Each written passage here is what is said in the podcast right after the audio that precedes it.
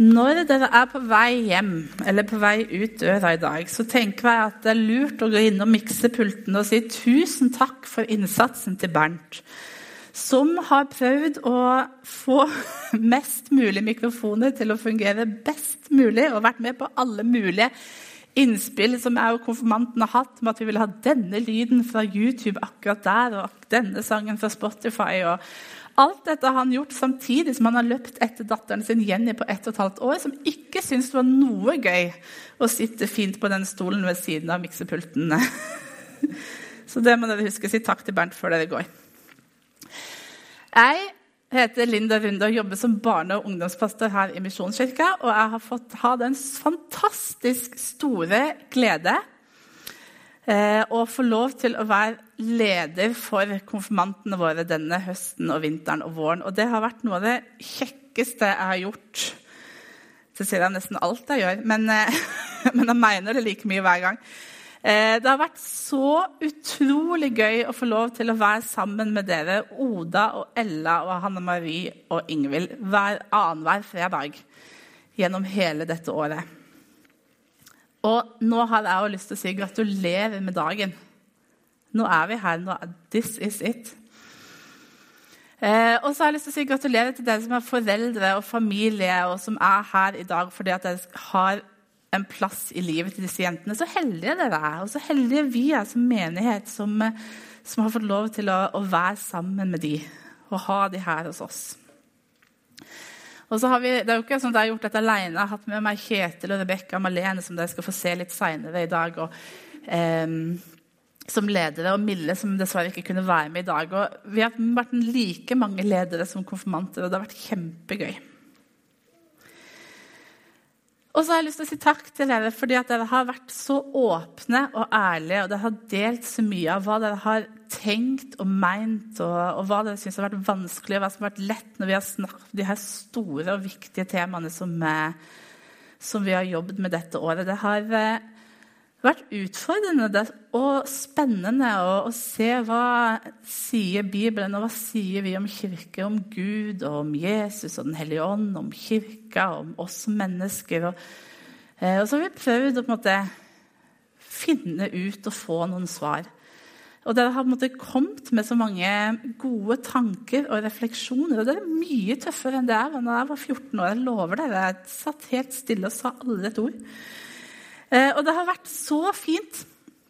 Eh, og jeg og de andre vi har prøvd å lære dere så mye som vi kan om hva, om hva vi tror på, og hva vi tror er lurt at dere tar med dere videre. Eh, og nå er vi her på konfirmasjonssøndagen, og så skal jeg bare si én siste ting. Som på mange måter er en slags avslutning på konfirmasjonstida. Og en innledning på, på livet etter konfirmasjonen. Fordi at vi har snakket mye dette året om hvordan konfirmasjonstida og den alderen som dere er i, er en sånn brytningstid. Der dere kjenner på at dere mer og mer er nødt til å ta ansvar for, og at det er naturlig å ta ansvar for eget liv og egne valg. Også når det gjelder det her med tro og med Gud, og hva vi tror om Gud og hva vi tror om Jesus. Og at det er noe som dere har vært nødt til å finne ut av for egen del. Eh, og at det ikke lenger kan være sånn at eh, man er kristen fordi at man kanskje har vokst opp i en kristen familie, og fordi at man ofte pleier å komme i kirka. Og begynt den veien med å finne ut at dette handler om dere og deres liv, og ikke bare måte, familien eller tradisjon og kultur. Og På den aller første samlingen som vi hadde i høst, så hadde vi et bilde oppe av et basseng. Og så var det mange folk i bassenget eh, og rundt dette bassenget. Noen var på vei opp av bassenget, noen var på vei nedi, noen svømte der. Det var noen som sto i garderoben, det var noen som var mer opptatt av å se på seg sjøl i speilet. Eh, og så brukte vi det bassenget som et bilde på Gud. Og så snakket vi om hvem er du på dette bildet. Hvor plasserer du deg og din gudsrelasjon nå? Og så hadde vi det samme bildet oppe nå på fredag når vi hadde den siste konfirmasjonsundervisningen. Akkurat det samme bildet, og så gjorde vi akkurat den samme øvelsen. Hvor plasserer du deg på bildet nå? Og Da oppdaget jeg og dere at her har det skjedd en endring. Det er ikke alle som har lyst til å plassere seg eller måte velge den samme personen nå som det dere valgte i høst. Fordi at dere har tatt noen skritt eh, på vei mot Gud i løpet av dette året. Og det er kjempefint og kjempespennende, og det skal vi ta vare på. Og så tror jeg at dere har oppdaget at eh, Gud og troen har fått en større plass i livet nå enn den kanskje hadde i høst. Og så har Ingvild lest en tekst for oss i dag om Jesus som mette 5000 mennesker. Bitte litt fisk og bitte litt brød. Og så er det den som jeg har valgt å, som utgangspunkt for den talen og for det siste som jeg har lyst til å gi dere på vei igjen, og som jeg har lyst til å gi alle oss som er her i dag. Eh, og denne historien har vi hørt mange ganger. Helt fra vi var bitte små på søndagsskolen, så er dette en av de mest kjente bibelfortellingene. Og så tror jeg likevel at den setter oss på sporet av noe som er litt viktig, noen gode prinsipper eller noen gode valg å ta. Eh, eller noen tips til hvordan det er lurt og smart å leve livet sitt sammen med Jesus. Og Det første som jeg har lyst til å si, da, det er 'kom'.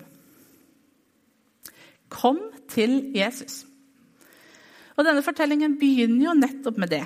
At Jesus og disiplene er slitne de har jobbet mye, de har vært ute. Jesus har undervist. Det har vært mange folk som har kommet til Jesus fordi de har lyst til å, bli helbreda. De har lyst til å se hvem Jesus er. Den Jesus som de kan, har fått et rykte på seg om å være en spesiell mann. Så han, Uansett hvor Jesus går, så kommer det mange som har lyst til å, å ha en bit av kaka. Og så trenger de en pause, Jesus og disiplene. Så Jesus han sier at de skal reise ut av byen for å få litt tid alene og hente seg inn. For Jesus vet at det trenger de disiplene De trenger å bruke tid med hverandre, og de trenger å bruke tid sammen med Jesus. Og Det gjelder ikke bare de disiplene den gangen. Det gjelder òg oss, vi som er Jesus sine disipler i dag. At vi trenger å bruke tid med Jesus. Når Jesus inviterer oss til å komme til ham for å få det som vi trenger til å leve det livet som vi lever. Eh, I gode dager og i vonde dager og i alle de helt vanlige hverdagene som bare er grå og normale. Så trenger vi å komme til Jesus for å få mot og kraft og styrke og håp og kjærlighet og alt det som Jesus har å gi oss. Og så er dere sykt smarte ungdommer. Eh, så det hjelper jo ikke å lure dere og si at hvis dere er kristne, så blir livet sykt enkelt og kjempelett. For det avslører dere som løgn, og det er det. Um, Jesus har ikke lovt at han skal gjøre livet enkelt for oss, og at alt skal gå bra hvis vi tror på Jesus. Han har sagt at han skal hjelpe oss og lede oss, at han skal trøste oss, at han skal glede seg med oss når det går bra, og at han skal løfte oss opp og sette plaster på når vi går på trynet. Og det har dere fått erfare, at livet er ikke lett. Og da er invitasjonen å komme til Jesus med det livet som dere lever. Og som en liten bisetning der så har jeg lyst til å si 'kom òg til kirka'. Og ikke bare fordi at jeg kommer til å savne dere, og fordi at dere kommer til å savne meg, for det gjør dere. Eh, og ikke fordi at det er viktig for meg at vi er flest mulig. Men fordi når Jesus tok med seg disiplene ut for at de skulle være alene, på et øde sted, så tok han med alle disiplene. Og vi trenger hverandre. Og som Ingvild sa om, eh, med bildene av menigheten som en kropp og som et tre, eh, så er vi jo deler av en helhet. Og det å leve kristenlivet er ikke noe som vi kan gjøre alene. Dere kommer til å trenge oss, og vi kommer til å trenge dere. Og så trenger vi å møte hverandre, og vi trenger å møte Gud med hud og hår i andre mennesker for å klare å leve det livet sammen med Jesus som han har kalt oss til. Så hvis det er viktig for deg å ta vare på troa di, så er det lettere å velge å gjøre det sammen med noen. Sammen med de andre disiplene istedenfor å tusle av gårde på egen hånd. Så den andre oppfordringen som jeg har lyst til å gi, det er å gå. For det var ikke lenge at disiplene var alene sammen med Jesus før det begynte å strømme på med mennesker igjen. De som hadde hørt ryktet om at nå var Jesus gått dit, og som følger etter. Og Så kommer de én etter én etter én eh, til det er 5000 menn. Og det er barn og det er kvinner i tillegg, som har en hel haug med behov. Som vil at Jesus skal helbrede akkurat de, og som vil at Jesus skal snakke til akkurat de. Det er noen som er syke og vil bli friske, og det er noen som har lyst til å høre at Jesus underviser. Og det er et stort behov for hender og føtter. Og etter at de har vært der en stund, så blir de skikkelig skikkelig sultne. Og så sender Jesus disiplene sine ut for å ordne opp i dette og gi dem mat. Og Det har vi også snakket om i konfirmasjonsundervisningen, om kirka sitt oppdrag om både misjon, det å bringe de gode nyhetene om Jesus videre til andre. Og så har vi snakket om verdens urettferdighet, og det har dere vært utrolig opptatt av. At verden er ikke rettferdig, og at det går an, og at dere har lyst til å gjøre en forskjell. At Gud, verden ikke lenger er sånn som Gud opprinnelig hadde tenkt at den skulle være, men at vi lever i en verden der det er sult, og det er krig og det er nød. Og Det forteller jo også når dere skulle velge et prosjekt og hvor dere ville gi kollekten fra denne gudstjenesten, så var det mange humanitære formål som kom opp. Og så valgte vi dette med vann. Men det har et stort hjerte for en større rettferdighet i verden. Og Her har Gud invitert oss og dere og oss alle som kristne å være med og gjøre en forskjell. Eh, som handler om å fortelle folk om Jesus, sånn at de kan bli kjent med han. Ja, selvfølgelig, Og, og, og være med og, og, gjøre livet bedre for de som vi møter. Og der sender han de ut. Gå. Eh, og jeg opplever sånn som at dere har lyst til å gå. Jeg tenker, ta vare, ta vare på det. Gå og vis i ord og handling hvem Jesus er til de som dere møter. Og det tredje det er ikke gå tomhendt. Men dere må hente forsyningene på det rette stedet. Fordi Disiplene de var sikkert skitnervøse når de skulle gå og gi mat til 5000 menn, kvinner og barn. Og så sto de der med en, en vanlig skolematpakke. Um, og det var en overveldende oppgave. De har ikke nok til den oppgaven som de har fått. Og så er det sant i den fortellingen, og så er det like sant for oss nå i dag at Jesus sender oss ikke ut på et oppdrag som vi ikke kan løse. Han sender oss ut med et oppdrag som vi kan løse, fordi han gir oss det som vi trenger. Så Når disiplene står der og lurer på hvordan de skal skaffe mat, og så spør de skal vi gå og kjøpe brød for 200 denarer, som er mye mer penger enn det disiplene noen gang har sett. Men det er ikke en dråpe i havet i forhold til hva de hadde trengt for å mette alle disse menneskene som faktisk var der. Så sier Jesus til at de skal samle sammen det de har, og komme til han med det. Så igjen skal de komme til Jesus. Og så velsigner han det, og så sender han det ut. Og så får de se at når de går og deler ut av det de har fått hos Jesus, så vekker det og det vekker i overflod. De samler korger inn igjen. De har mer enn det de trenger. Og så tror jeg at det er sånn for oss òg. Eh, at når vi skal ut og leve dette livet, så får vi den kraften og styrken og motet og kjærligheten og håpet og nåden som vi trenger hos Jesus. Og den holder for vårt liv, og så holder den til å dele ut de som vi møter. Så jeg har lyst til å lese et dikt av Hans Olav Mørk til dere som avslutning.